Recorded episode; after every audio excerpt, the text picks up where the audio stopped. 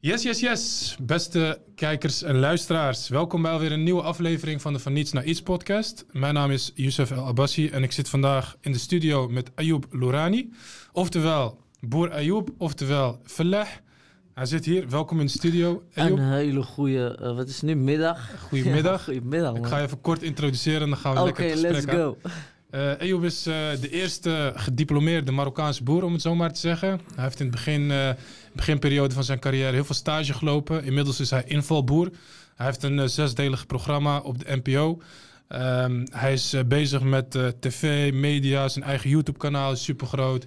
En eh, zijn droom is om een eigen melkveehouderijbedrijf te beginnen. Nou, hoe, hoe het allemaal is ontstaan, hoe het is gegaan, al die virale content, hoe hij zo snel beroemd is geworden, hoe hij naar zijn droom toe werkt, dat gaan jullie allemaal horen in deze podcast. Dus ik zou zeggen, blijf luisteren en raak geïnspireerd. Yes, Ayoub. Let's go. Nogmaals, eh, welkom en leuk dat je er bent. Ja, dankjewel. Leuk om er te zijn.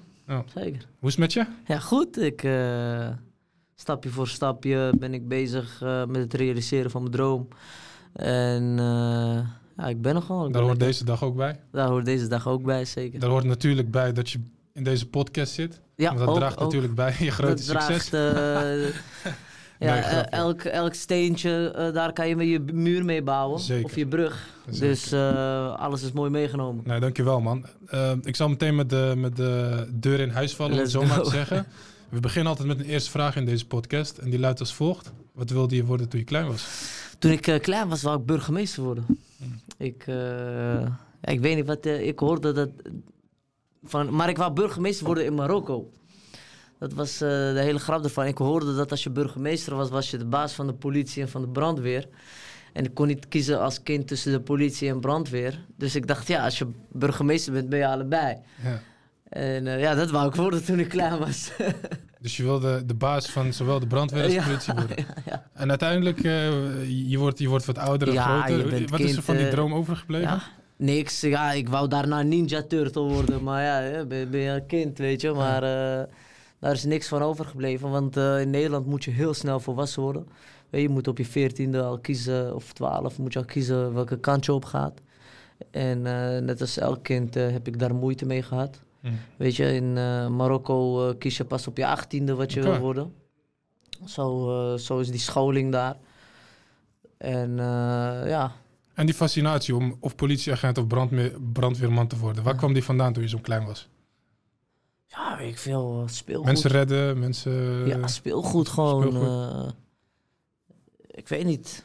Ik weet niet waar die vandaan kwam. Ja, het was gewoon gewoon. spelen. Ik was gewoon aan het spelen, ja. Ja, je bent super jong, je speelt met het speelgoed en je denkt, hé, hey, als ik dat mannetje van het speelgoed Ja. kan zijn, lijkt me Ja, vet. er was ook een periode dat ik dokter wou worden, maar ja, dat komt doktertje spelen, dus... eh, Ja, ja. Dus spelenderwijs had je elke keer het idee van, hey, ja. dit zou ik willen worden, dit zou ik willen worden. Ja. Op een gegeven moment word je wat ouder en dan ga je ook naar, naar de hogere school. Nou ja, op een gegeven moment, eh, als je in groep 8 zit, dan, eh, gaan ze, dan zegt de meester tegen jou, van, of eigenlijk in groep 7 al, dan zegt hij, hey, nou gaat het leven beginnen.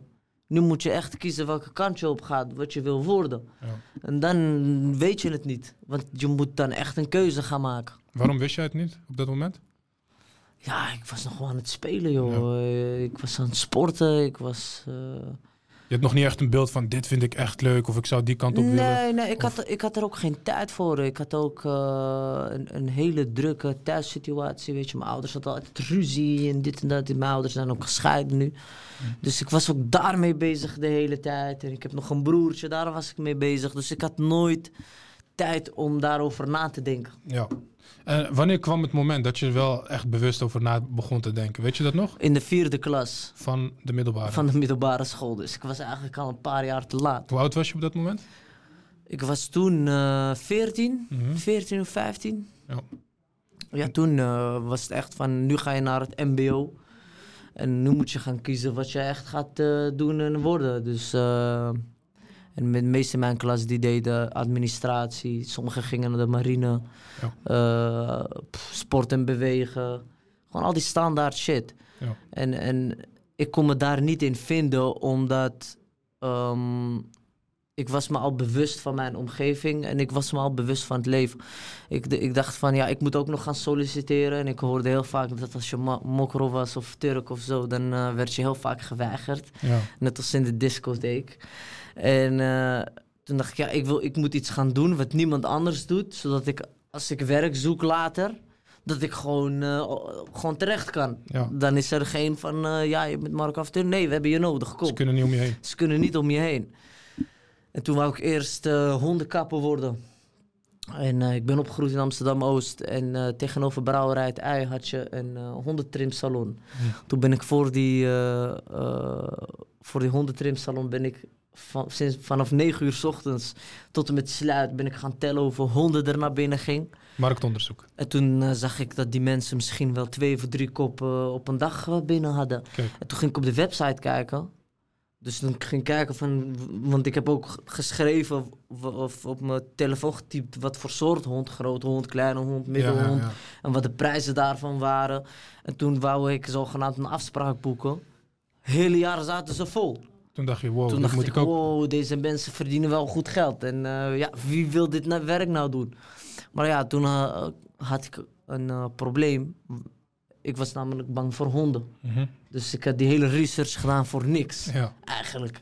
Toen dacht ik, ja shit, fuck dat dan. En toen eh, had ik eh, voor een schoolopdracht moest En ik... dit was eh, allemaal tijdens je middelbare school? Dit was op de eh, middelbare leeftijd? school. Ja, ja. Dus zo rond je veertiende, zeg maar. Ja. Ja. Ja, het was ook allemaal in de buurt, dus, en ik had ook weinig te doen. Ja, ik kon wel de hele tijd gaan playstationen, maar ja, ik was altijd al actief. Ik moest van mijn vader ook sporten en buitenspelen en zo. Ja. Ik, ik ben eh, heel oldschool opgevoed.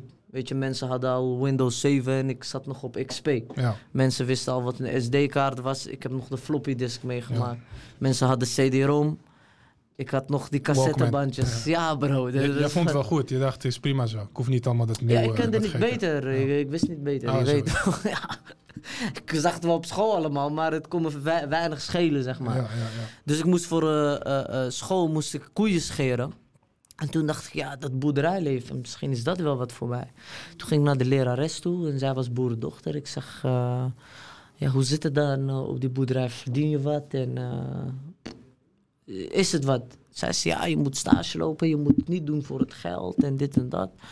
Toen dacht ik, ja, wat niet doen voor het geld. Ik wou eh, rijk worden, ik wil veel geld verdienen. Ja, En iets doen wat niet iedereen doet. Ja, en toen eh, ging ik dus googlen en toen zag ik dat een koe tussen de 1500 en 2 of 3000 euro kost. Mhm. En toen ging ik eh, fietsen naar Amsterdam-West destijds. Had je zo'n boerderij, daar stonden 80 koeien of zo uit mijn hoofd. Mhm. Of 100, ik weet niet meer. En toen had, ging ik tellen en toen zag ik, ja, 2 ton.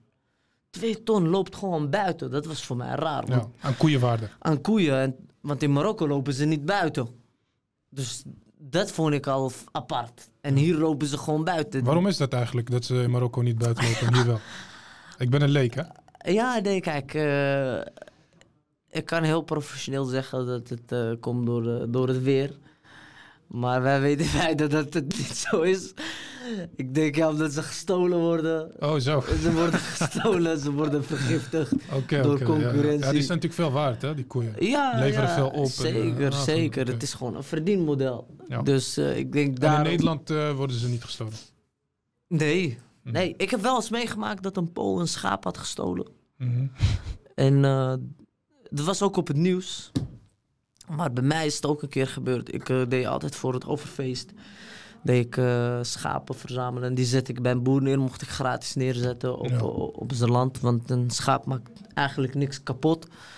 En toen was er van mij ook een schaap genakt door, eh, door een Pool of Roemeen of zo. Zo.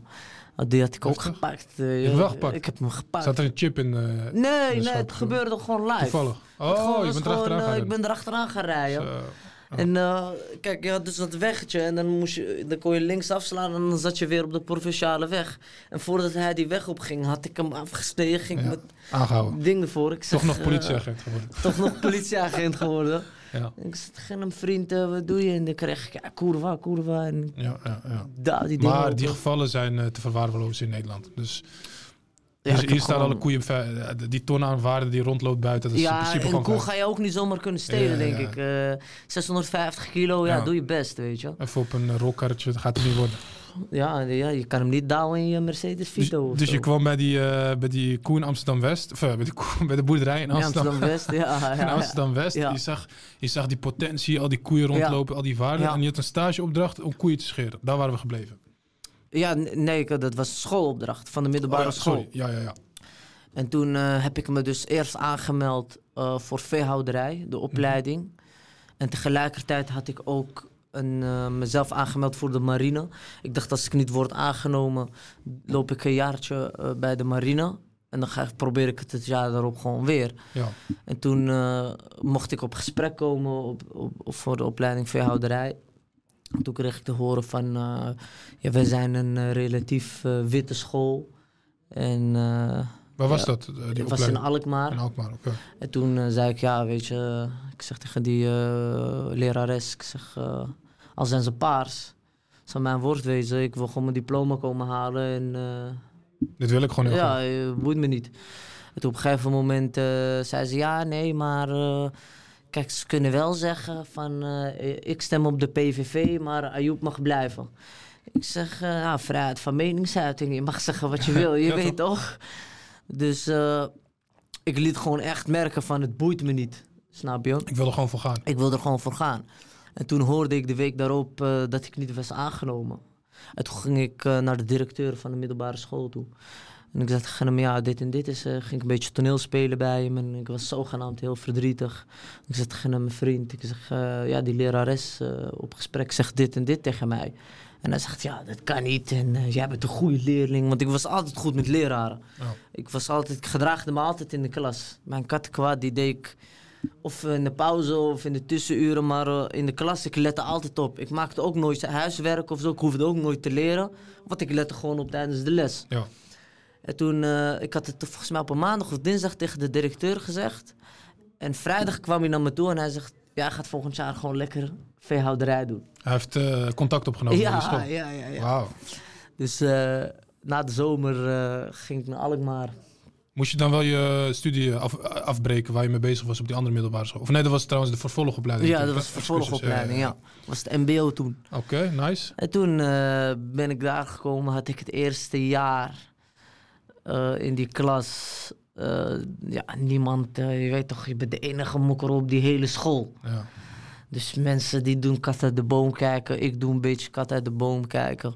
Maar ja, voor mij bo- boeide het me eigenlijk niet. Weet je, ik hoorde af en toe wel mensen wat naar me roepen of ze gingen over me roddelen of zo. Of ze maakten rare grappen dat je denkt van, ja, die kan je eigenlijk niet maken. is ja. eigenlijk onacceptabel. Maar ja, ik had een doel en mijn doel was mijn diploma halen en zo snel mogelijk wegwezen hier. Ja. Nou, zo gezegd, zo gedaan. ja. En het grote overkoepelende doel was natuurlijk mel melkveehouderijbedrijf Ja, opzetten. Ja. Dus met, met die gedachte... Ja, ik heb overal Voorwaarts. stage gelopen en eh, op een gegeven moment, eh, die, de, ja, weet je, de boerencommunity is vrij klein. En, Ja, is dat zo? eh, Want Nederland is best wel een groot eh, export uh, vlees Jawel, export, jawel, maar kijk, je hebt gewoon communities. En dat is hoe je de Marokkaanse community hebt, Ja, je Turkse precies. community en je hebt dus de boerencommunity en al die boeren die kennen elkaar bijna. Ja. Of tenminste, je hebt een VTL studieclub hier, je hebt een studieclub daar en eh, die heeft contact met die en die, weet je. Ja. Dus je hoort van elkaar, je komt elkaar ook altijd tegen. Kleine wereld. Bij, het is een kleine wereld. Je komt elkaar tegen bij eh, eh, eh, wintershows. En dan komt, brengen boeren hun beste koe naar voren. En dan maken ze een rondje. Het is eigenlijk een soort modeshow. Maar dan voor de koeien. Is super mooi maar wat valt er te show dan? Ja, hoe mooi zo'n koe is. ja, een koe kan echt Want- anders zijn dan een andere koe. Want, want op, op, op boer, als je boer bent, ben je veel dingen. Je, moet- je, je moet fokken. Mhm. Je bent timmerman, je bent loodgieter, je bent eh vroedman, je bent schoonmaker, je bent alles. Snap je? Dus eh, die fokkerij, eh, dat is wel iets om, om stoer mee te doen. Het is, Ja. net, het is net als hoe bij mij in de buurt, als iemand een nieuwe AMG haalt... En die rijdt ermee in de buurt. Ja, vette bak, dit, dat, zo, zo. En dat hebben de, hun dus met koeien. Ja, ja, ja. Snap je? Vooral omdat ze er zo, zo goed voor gezorgd hebben. ja, ze letterlijk ja, alles in Hij is die, trots op. in die stal doen voor die koe. en het- die koe is dan uiteindelijk het resultaat. Met liefde, met liefde opgevoed en gevoerd. En Ja, hij is er trots op en eh, dat mag ook. ja. Dus we, we waren gebleven bij dat netwerk van die, van die grote koeien, melkvee, Ja. ja. Ja, dus, eh, dus eh, via daar, via de stages, eh, hoorden steeds meer boeren van mij. En toen op een gegeven moment, werk, ik werkte eerst via zo'n agentbureau. En stage trouwens, sorry dat ik onderbreek. Ja. Was dat tijdens je studie nog of na je studie? De stages, de stages die je liep dan bij die... De... Tijdens mijn studie. Tijdens Tijdens, je mijn studie, studie, ja. ja. En eh, op een gegeven moment horen dus boeren allemaal eh, eh, van jou. En dan vragen ze, nou, ja, hoe is die jongen eigenlijk en zo. En dan, ja, de meeste boeren die hadden gewoon positieve dingen over mij. Ze zeggen, weet je, super betrouwbaar. En als ik wegga en ik kom terug, alles staat nog op zijn plek. En eh, niks Hij laat alles stuk. netjes achter. Ja, snap je. Hard voor de zaak. hij werkt gewoon goed. Ja. Op een gegeven moment werkte ik eerst voor zo'n uitzendbureau. En toen ging ik naar die boeren toe op een gegeven moment. Ik zeg, ja, wat betaal je aan die uitzendbureau? Ja. Geef Dubbele. mij, eh, ja, bijna wel. Bijna wel. Toen zei ik, ja, geef mij dan dit bedrag en dan kom ik eh, zelf. Doe het Ja. tussen ons. Ja. Ja, zo heb ik eh een regio eigenlijk een beetje gepakt. En toen heb ik een nieuwe term had ik, op de wereld gebracht. En dat is invalboer. Mhm. Dat bestond nog niet Dat voordat jij bestond mee, nog eh, niet, nee. Dat is echt, eh, ja, je had het via de uitzendbureau. Dat was je eh, medewerker Ja. of manager. Ja. Nee, ik ben invalboer. En dat wil zeggen, als een boer op vakantie gaat, twee, drie weken, neem ik het over. Ik heb ook wel eens gestaan voor een boer die wou emigreren naar Canada of zo. Mhm. Zat ik daar drie, vier, vijf maanden. Snap je? En dan doe je alles. Je runt gewoon die hele toko, je slaapt daar. Dus voor mij was dat, eh, eh, het voordeel daarvan was dat ik veel ervaring kon opdoen. Ja, Want zeker. ik had altijd het idee, ik ga naar Marokko toe. Ik ga daar beginnen. Ja. En op een gegeven moment kwam eh, corona. En ik ging een paar dingen, ik ging een paar vergunningen en zo aanvragen. Nou ja, Marokko eh, was geen succes voor mij qua vergunningen aanvragen Veel en zo. papierwerk. Veel te veel papierwerk, te veel gezichtsag. Ja. Weet je, dan moest ik daarheen, dan zegt die nee, je moet daarheen. Dan zegt Ja. die, ik werd van het eh, muurtje naar de kast, of weet ik veel hoe je dat zegt. Ja. En toen dacht ik, ja, weet je wat, ik kom weer even terug naar Nederland. Ik, ik wou sowieso nog een paar certificaten halen. Toen heb ik dat gedaan. Ik heb inseminatiecursus gehad. Ik heb mijn klauwbekappingscursus gehaald. Ik heb mijn cursus medicijngebruik eh, voor koeien gehaald. Heel goed. Ja. En eh, toen eh, was ik ook gewoon aan het werk een beetje. En ik kwam eh, mijn matties altijd tegen om acht uur s'avonds in het café. Want ik ging gelijk van de boerderij naar dat café toe. En dan zei ze, hey bro, je ruikt altijd naar mest en naar koeien en shit. Hoe komt dat? Of wat doe je daar de hele dag dat je zo lijp stinkt? Ja. Ik zeg, weet je wat, ik ga het een keer voor jullie vloggen en dan eh, kan je het zelf zien. Ja. Dus ik maak die vlog. En terwijl ik hem aan het editen ben, dacht ik van, ja weet je wat, ik maak gewoon een hele pagina. Ik flikker het gewoon op YouTube. Bam, ik gooi die eerste video op YouTube. Ik maak een tweede en een derde. En ik ga viraal. Ja. Hopsakee. Ik eh, word geïnterviewd door NH Media, Nieuwe Oogst. En ik word gebeld. Hey, je, bent, eh, je staat op het 12 uur journaal. Ja. Schadon erop, joh. Wat 12 uur journaal. Dat, was, dat was een heel groot medium. Dat was, eh, want het 12 Is uur journaal. is dat NOS-journaal van 12 NOS, uur? Oh ja, ja, ja, dat ja. is het grootste. Dus, eh, en, en die herhaalt zich steeds dat hele uur. En ik was aan het werk. Ik zeg, ja, ik ga zo naar binnen ga ik kijken. Dus eh, ik ga naar binnen. Ik neem pauze, ik ga naar binnen, ik ga kijken. En ik werkte toen op een boerderij met, wat zal het zijn, 500 koeien of zo. Hm. Dus ik ga naar binnen en ik zie dus mezelf op NOS. Ik denk, lijp. Dit is wel... eh, 1,5 miljoen mensen die het shit. En op een gegeven moment, de volgende dag, ik word gebeld door iedereen. Dus dat was echt het moment, dat, Dat, was het moment dat het het, viraal gaan moment, dat zeg het maar. viraal ging. Dus, maar ik ben aan het werk, ik heb die boerderij. Ja, Ik kan dat niet laten gaan, die mensen zijn er niet, weet je. ja. Dus eh, ik had gewoon oordopjes in. En iedereen die me belt, ik neem gewoon op, maar ik weet gewoon niet wie me belt. Dus Ja. ik maak de hele tijd afspraken met mensen. En ik geef ze gewoon het adres van waar ik zit. En dan liet ik die mensen naar mij toe komen. ja, naar de boerderij. Naar de boerderij. En dan eh, komt er iemand en zegt van, wat was jij ook weer? Oké. Ja, je Shownieuws. dat weet ik veel. Ja. En toen eh, werd ik veel gebeld door producenten en televisiezenders. Van, eh, iedereen wou op een gegeven moment een televisieserie met mij maken. Dat ik, Ja. En ik dacht van, ja, maar zo interessant is het toch ook weer niet dat ik boer ben of zo. Nou, blijkbaar dus wel. Ja. En toen ehm, kwam ik in, toen kon ik kiezen tussen Jinek en op één. Mhm. Toen ben ik naar op één gegaan. En toen zat aan tafel Frans Klein, dat was toen eh, de directeur van eh, NPO. En ik was met hem in contact gebleven en toen eh, had ik hem gebeld later. Ik zei, "Hey, luister, deze mensen willen een televisieserie met mij maken. En ik kan het ook zelf produceren. Want ik hoorde dat weer via iemand anders. Ja, Dat ik het 50-50 met iemand kon doen. En dan Ja. zo'n beetje doek Scheelt een hoop maken. geld. Scheelt een hoop geld. En voor mij was het belangrijk dat ik gewoon mijn eigen zegje had. ja precies. Over wat er op tv, tv komt over mij. Ja. En toen zei hij, ja, is goed. En toen had hij me bij de KRO geplaatst. Toen had ik het dus samen met de KRO... hebben we dus die zesdelige serie gemaakt. Ja, Dat was mijn eerste grootste project. ja. En dat is heel goed gegaan. Er zijn zes afleveringen uitgekomen. Waarin je laat zien hoe het boerenleven is. Wat je allemaal meemaakt. Het was eigenlijk gewoon een beetje een docusoap. Het eh, is gewoon hoe mijn leven een beetje was.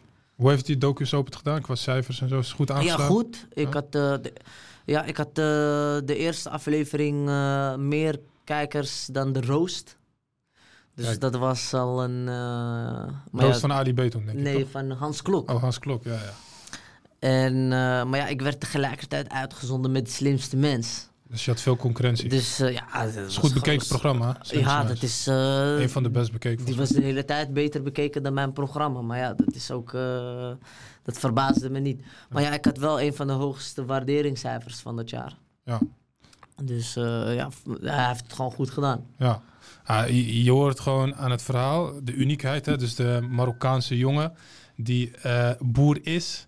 Ehm, en dat, dat is een uniek concept, wordt opgepakt door de media. Ja, Eh, dat gaat op een of andere manier viraal. Dus eh, het boer zijn is in Nederland heel normaal. Maar het stukje koppeling met een enthousiaste jonge boer...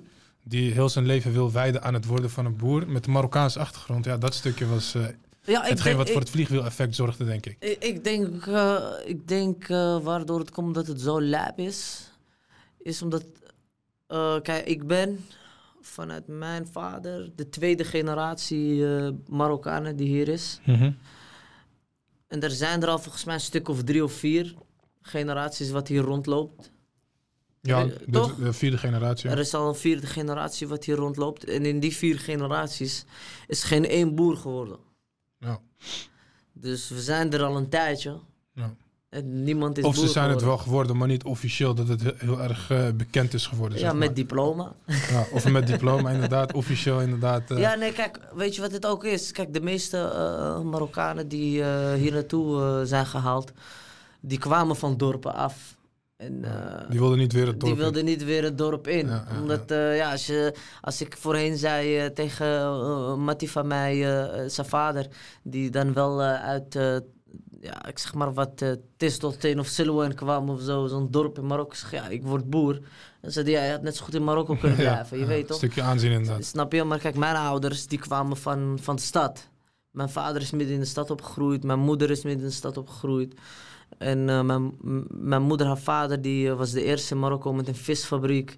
En eh, hij verkocht eh sardine in blik eh, over heel Europa bijna. Dus dat waren gewoon mensen met geld. Mijn vader, eh, zijn vader, die was slager. Ja. Dus die, die deed het ook goed, snap je? En voor ons was het niet raar om te zeggen, ik word boer. Nee. En kijk, mijn, va- mijn vader vond het op het begin ook wel een beetje vreemd. En mijn moeder die dacht, eh, ja, want die hoorde ook van een vriendin of zo eh, dat haar kind eh, de hele tijd van opleiding switcht. Dus zij zag dat ik ook in die fase zit, snap Ja. je? Dat ik eh, een jaartje die, dat ga doen. die. Dan ga ik weer een jaartje dat doen. Ja. Want ja, heel veel mensen die zijn zoekende nog. Hm. En, omdat je vroeg moet kiezen. Maar ja, ik zei van, ik had mijn hele leven daaraan, gewoon, ik was dedicated. Ik, Ja. ik moet het diploma halen Mhm. en dan zie ik wel wat gebeurt. Ja, ik snap het wel. Als je heel erg in st- het stadsleven gewend bent, dan verlang je misschien ook wel naar dat boerse leven. En als ergens die... Ja, Misschien is dat net even wat meer dan inderdaad andersom. ja ik Ja. denk het, misschien. Hoeft niet altijd zo te zijn. En ik hoor tegelijkertijd ook dat het ondernemen in de familie zit. Ja, Dus dat, die aanleg heb je al. ja, En als je dat inderdaad combineert met iets wat bijna niemand doet- of het nou dat hondentrimmen verhaal was, of, ja, of ja, boer, ja. dan denk ik dat je echt een mooie keuze hebt gemaakt. Nou, ik weet het zeker, want het heeft zich bewezen. Ja, Je bent super viraal gegaan. 100%. En in documentaire heb ik ook kunnen zien dat je actief op zoek bent gegaan naar een melkveehouderijbedrijf, Mhm. eh, eh, om dat te beginnen. Hoe, eh, hoe gaat dat traject? Kun je ons daar wat meer over vertellen? Ja, kijk, nu op dit moment worden er uit mijn hoofd eh 300 eh, boeren random uitgekocht. Ja. Van de? Zijn er veel in Nederland, hè, volgens mij. Ja, ik heb geen idee. Ja, het valt echt wel mee hoor. Hoeveel boerderijen er nog zijn. Kijk, weet je wat Het is? hele grote vooral. Vroeger eh, eh, eh, eh, had je veel kleine bedrijven. En op een gegeven moment boeren moesten steeds groter worden om, Rendabel te zijn. om, Ja. om, om te verdienen, om Ja. te kunnen eten. Want alles werd duurder. Ja. Alles werd duurder, maar de melkprijs bleef hetzelfde. En, en sommige boeren die stopten gewoon. En andere boeren die ermee door wouden gaan, die kochten dat. Kijk, eh, voorheen was eh, als je 100 koeien had, kon je daar gewoon mee van leven. Nu kan je niet van 100 koeien kan niet meer leven. Je nu moet moet je er wat bij doen. Weet je, sommige mensen hebben bed en breakfast, sommige mensen hebben een eh, kaasmakerij, sommige mensen hebben een sportschool ernaast. Ik weet niet, honderden nevenactiviteiten heb je. Maar nu is het gemiddeld bedrijf dat zit al gauw op 200 of 300 koeien. En dus met 100 koeien ga je het niet redden. Maar nu worden dus eh, op random selectie worden er de boeren uitgekocht, verplicht. Ja. En dan moet je ook gaan tekenen dat je nergens anders in Europa met dat geld boer wordt. Ja. Dus toen dacht ik, ja, stel je voor dat ik hem nu koop en ik kom in die random selectie terecht. Kijk, de kans is misschien klein, maar je weet maar nooit. Ja. Dan heb ik het net gekocht, zit ik er nu niet eens een jaar en dan mag ik weer vertrekken. Maar wacht even. Dan heb je wel natuurlijk je droom nagejaagd. Maar ik weet wel dat potje om, om die boeren uit te kopen. Ja, Green Deal, Frans Timmermans, Europese Unie. Dat potje is extreem groot. Ja. Dus het zou zomaar kunnen dat je het bedrijf een paar keer flipt. Dat je het eh, voor heel veel miljoenen kan verkopen en voor wat minder koopt, bij wijze van. ja. Maar dat is natuurlijk niet waar jij het voor doet. Je doet het Nee, voor ik, ik wil wonen op die boerderij. Ja, precies. Ah, ik heb geen dat is jouw doel. Ja. Maar dat is wel een zorgwekkende ontwikkeling. Hoe bedoel je? Nou ja, dat, dat er op dit moment boeren worden uitge- uit, ja, uitgekocht als Ja. het ware. Dus ze willen in Nederland dat er minder boeren actief zijn. Maar jouw droom is juist om boer te worden. Ja, Hoe ga je dat doen? gewoon doen. Dat is de vraag. Gewoon doen. Ik wacht tot ze die eerste 300 hebben uitgekocht. Ja. Kijk, weet je, ik had ook... eh, eh, eh, want ze willen huizen bouwen en shit, toch? Ja. Dus ik had ook met sommige boeren besproken van... Hé, hey, vraag even een vergunning aan dan om te gaan bouwen. Maar die kregen ze dan niet. Dus er speelt meer, Speelt meer. Ja. snap je? Ja, ik wilde er niet te veel over zeggen, anders lijk ik zo'n conspiracy. eh, Nee, geef niet, maar er is- er is een hogere kracht bezig, Je weet ja, toch? ja. Ja, ik, ik weet niet wat precies gaande is, maar het is niet kosher. Ja. Of halal. Allebei. Allebei. Dus voor mij, ja, kijk, ik, ik, ik, ik probeer het hier in Nederland. Waarom? Ik heb nog een broertje hier wonen. Mijn ouders eh, zitten beide in Marokko. Oh, daar zorg je voor. Dus eh, ik zit samen met mijn broertje, is 20. eh, die zorgt ook voor zichzelf. Dus mij heeft hij niet echt nodig. Maar ja, ik wil wel hier blijven met hem samen. We zijn maar met z'n tweeën. En we staan voor elkaar altijd klaar, weet je. ja. Dus ik ben liever samen met mijn broertje. En ik ga het ook gewoon proberen, weet je. Kijk, als het niet lukt over een paar jaar. Ik heb altijd nog een plan B, C, D. eh, ik heb een vangnet. Ja. Dus ik zit cool. ja. We gaan het zo over dat vangnet hebben, het plan B, C, D. Ik hoorde je aan het begin van de podcast ook aangeven dat eh, je deed bijvoorbeeld ook stage lopen bij een boer die ging emigreren of iets in die Ja. richting naar Canada. Nee, en dan doe je werk. de, ja.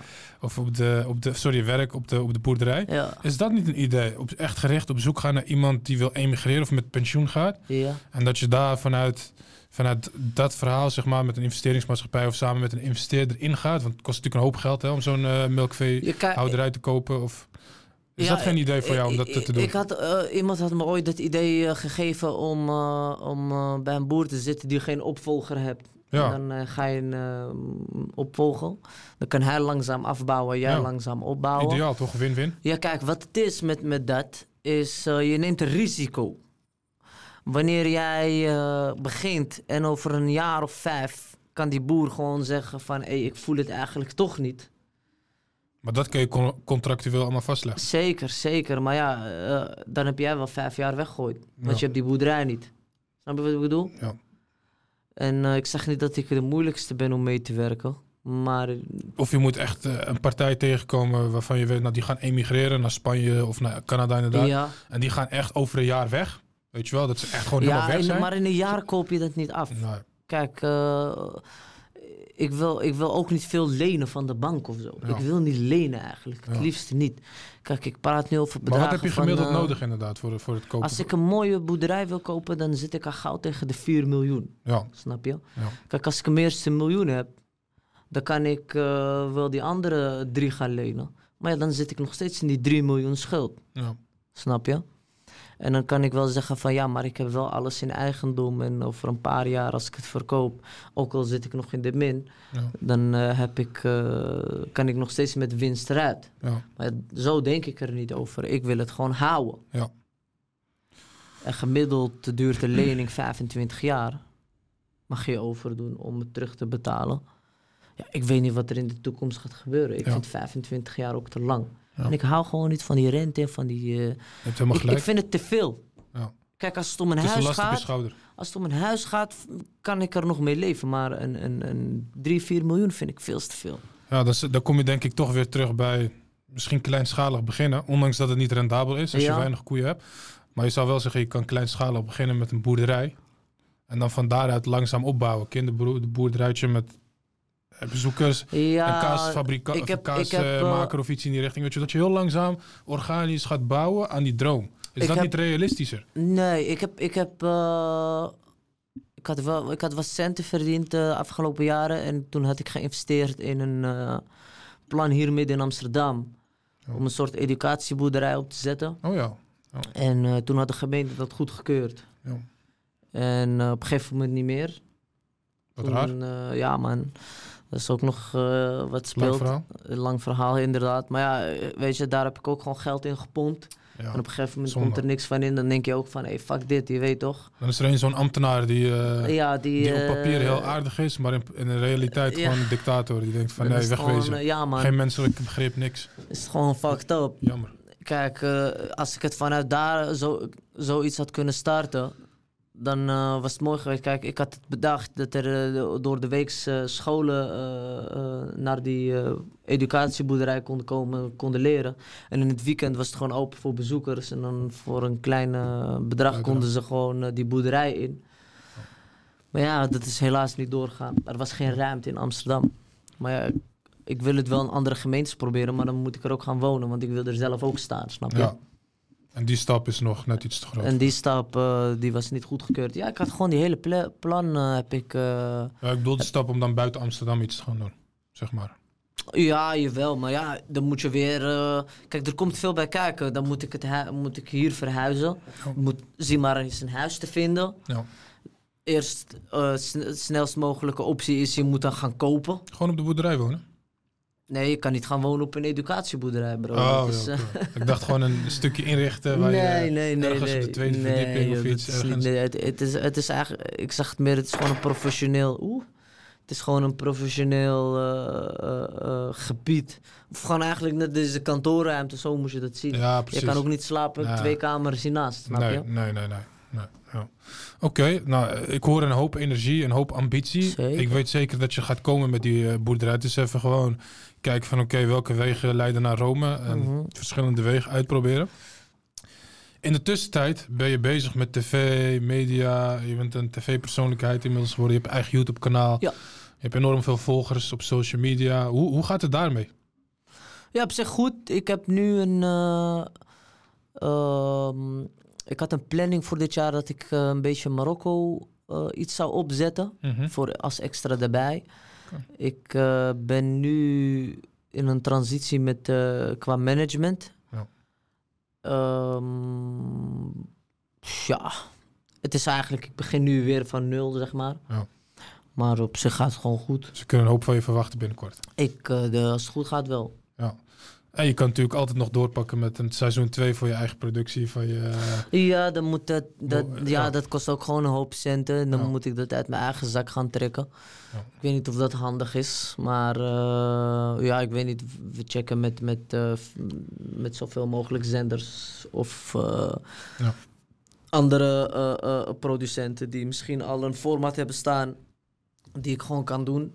Ja. Dus eh, het is Komt gewoon goed. afwachten. Geduld Ja. is gewoon zaak. ja, je bent goed bezig. Je hebt een goede Ja. base. Je hebt een goede fundering opgebouwd. Je bent eh, super bekend. Ja. Super enthousiaste jongen. Dus dat, dat gaat vanzelf op een gegeven moment. Je hebt even een vliegwiel-effect ergens nodig. Maar dat komt vanzelf tot, eh, Tot eh, stand. tot stand, inderdaad. Dat gaat zelf ergens eh, leven. Ehm, ik ben nog wel even benieuwd. eh, het moment dat, dat, eh, dat, dat je zoveel aandacht kreeg van media. En op het moment dat je telefoon eh, maar bleef afgaan. Hoe, eh, hoe ben je eigenlijk met dat moment opgegaan? Wat, omgegaan? Wat heb je daarvan geleerd? Ja, niks. Ik ben gewoon altijd mezelf gebleven. Dat is het leuke ervan, weet je. Kijk, eh, eh, ehm, het verschil is qua, qua hoe ik op beeld ben en, en als het beeld uit is. Ja, ik vloek gewoon minder. Maar dat komt omdat mijn moeder kijkt. Ik heb wel eens eh, per ongeluk eh, een paar dingen eruit laten vliegen. En dan eh, word ik gelijk gebeld van... Ja. dat is niet de bedoeling voor op tv of iets. Wij je. kunnen gewoon piepen, man. Dus, Ja, eh, nee, ja, ik, dus dat, is, dat is het enige verschil. Gewoon, ik vloek wat minder. Ja. Maar er was niet iets waarvan je zegt, wauw, als ik dat op die manier had aangepakt, of op, ik had toen dit en dit gedaan, waar ik iets van heb geleerd, of ik had iets anders willen doen. daar- Nee, nee, niet echt. Oké. Nee, ik had misschien... eh, Nee, ik heb, ik heb spijt van niks. 100%. Oké. Een vast onderdeel van deze podcast is een snelle rubriek. Oké, Ik stel je wat korte vragen, mag je eh, kort op antwoorden. Oké. En dan ga ik op een van die vragen terugkomen. Als je het oké. Begint die. Eh, de eerste vraag is, met wie zou je graag een kop koffie willen drinken?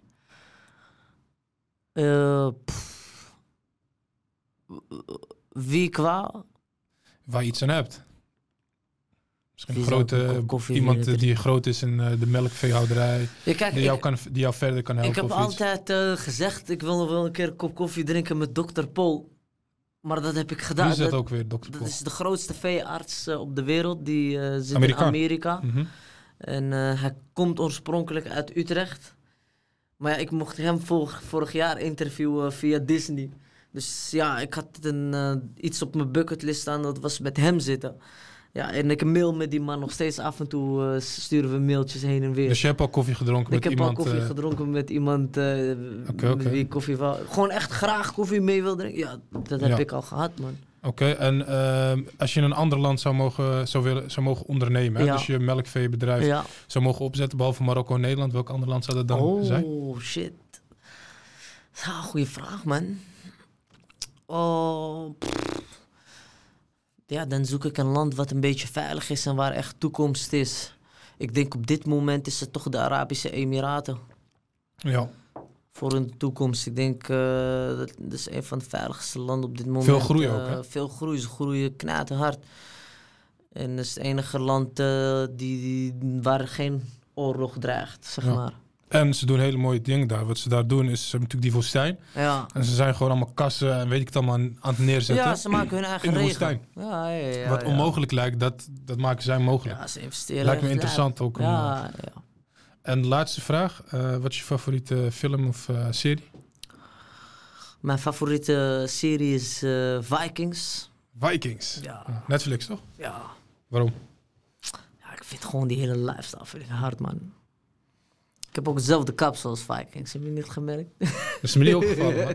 Maar die is daarop Ja, gebaseerd. dat is dus. gewoon vanuit hier gewoon met schermen naar beneden, shots in één keer. Ja, mensen zeiden Peaky Blinders, maar die heb ik nog nooit gezien. Ik ook Ik niet. heb eh, Vikings eh, gewoon gekeken. V- Dat vind ik de hardste serie die er is. Een film, eh, ja... Kijk, de leukste film vind ik Dr. Is een beetje een kinderfilm, maar dat is gewoon zo'n veearts die met dieren kan praten. Dat vind ik wel grappig. en eh, de hardste film, ja, dat is toch iets met, eh, met Tom Cruise erin of zo.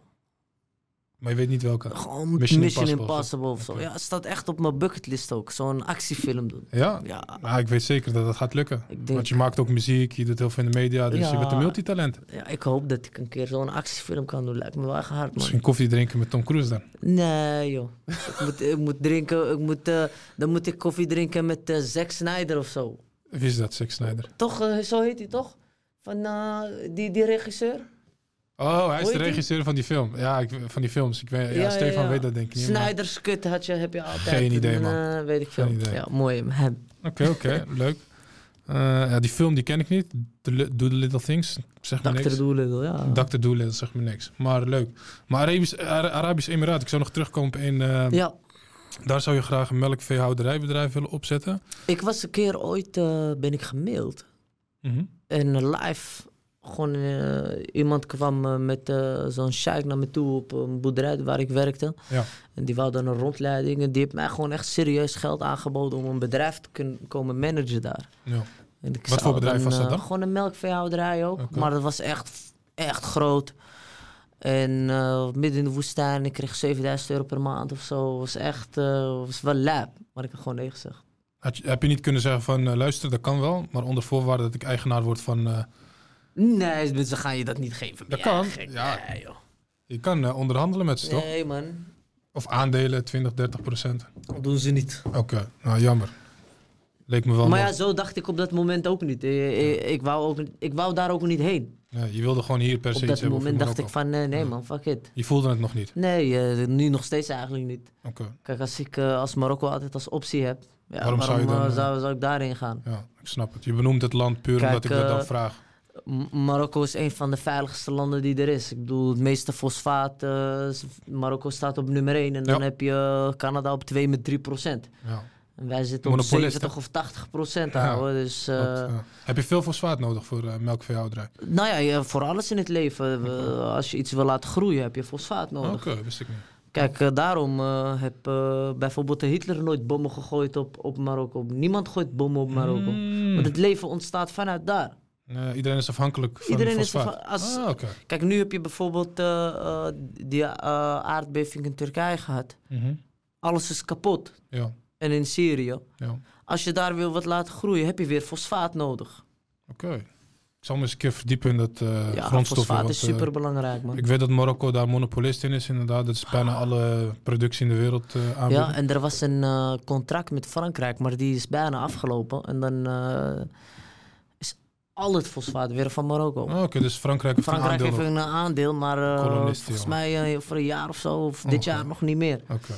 Dat is wel tjala. Oké, nou dat is mooi. Het eerste stuk van je verhaal. Hè? Hoe, eh, hoe ga je van 0 naar 100, super viraal binnen een paar dagen. Ja.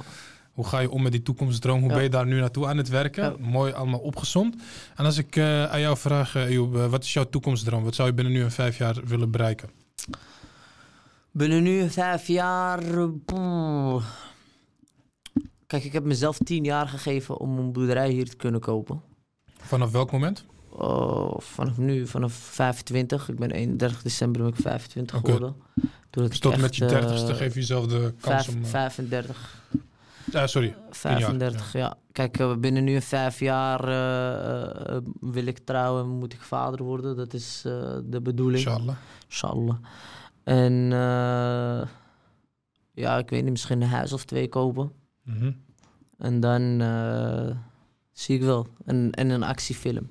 En een actie. En, Misschien. en, en het belangrijkste, de boerderij natuurlijk. Hè? De boerderij is Dat tien is, jaar. dat is prioriteit nummer Ja, één. ja, ja. Op korte Maar- termijn zijn dat jouw doelstellingen. Op de korte termijnen zijn dit, is dit mijn eh, doelstelling. Ja, kijk, eh, alles wat ik doe is een traptreden naar die boerderij toe. Ja, alles versterkt elkaar. Dus eh, kijk, als ik twee huizen heb en stel je voor, ik koop daarna een boerderij en die boerderij gaat niet goed, heb ik die huizen nog om op te vallen, snap je? beetje eh, plan B, C, C, Ja. D, zeg maar. Ja. En eh, er er luisteren heel veel mensen naar deze podcast die eh, jou inspirerend vinden. Die zelf ook twijfelen of ze wel of niet willen gaan ondernemen of radicale keuzes moeten maken. Net zoals jij die hebt gemaakt door het kiezen, eh, voor het kiezen, door, voor het kiezen zeg maar, van, van het beroep wat je nu aan het doen bent. De Marokkaanse boer, zeg maar, de gediplomeerde Marokkaanse boer. Welk advies zou je mee willen geven aan onze luisteraars die twijfelen en graag willen ondernemen? Ja, kijk, als je, eh, als je de verantwoordelijkheid niet wil nemen voor de, voor de acties die je, of voor de keuzes die je misschien in de toekomst gaat maken, moet je gewoon van 9 tot 5 werken. Er is helemaal niks mis mee. Als je gelukkig daarvan wordt, moet je dat zeker doen. Maar ja, als je een beetje van risico's houdt, moet je, moet je zeker gewoon eh, ja, die, die, die ook nemen. Ja. Dus eh, mijn advies naar die mensen is: doe gewoon waar je je goed bij voelt.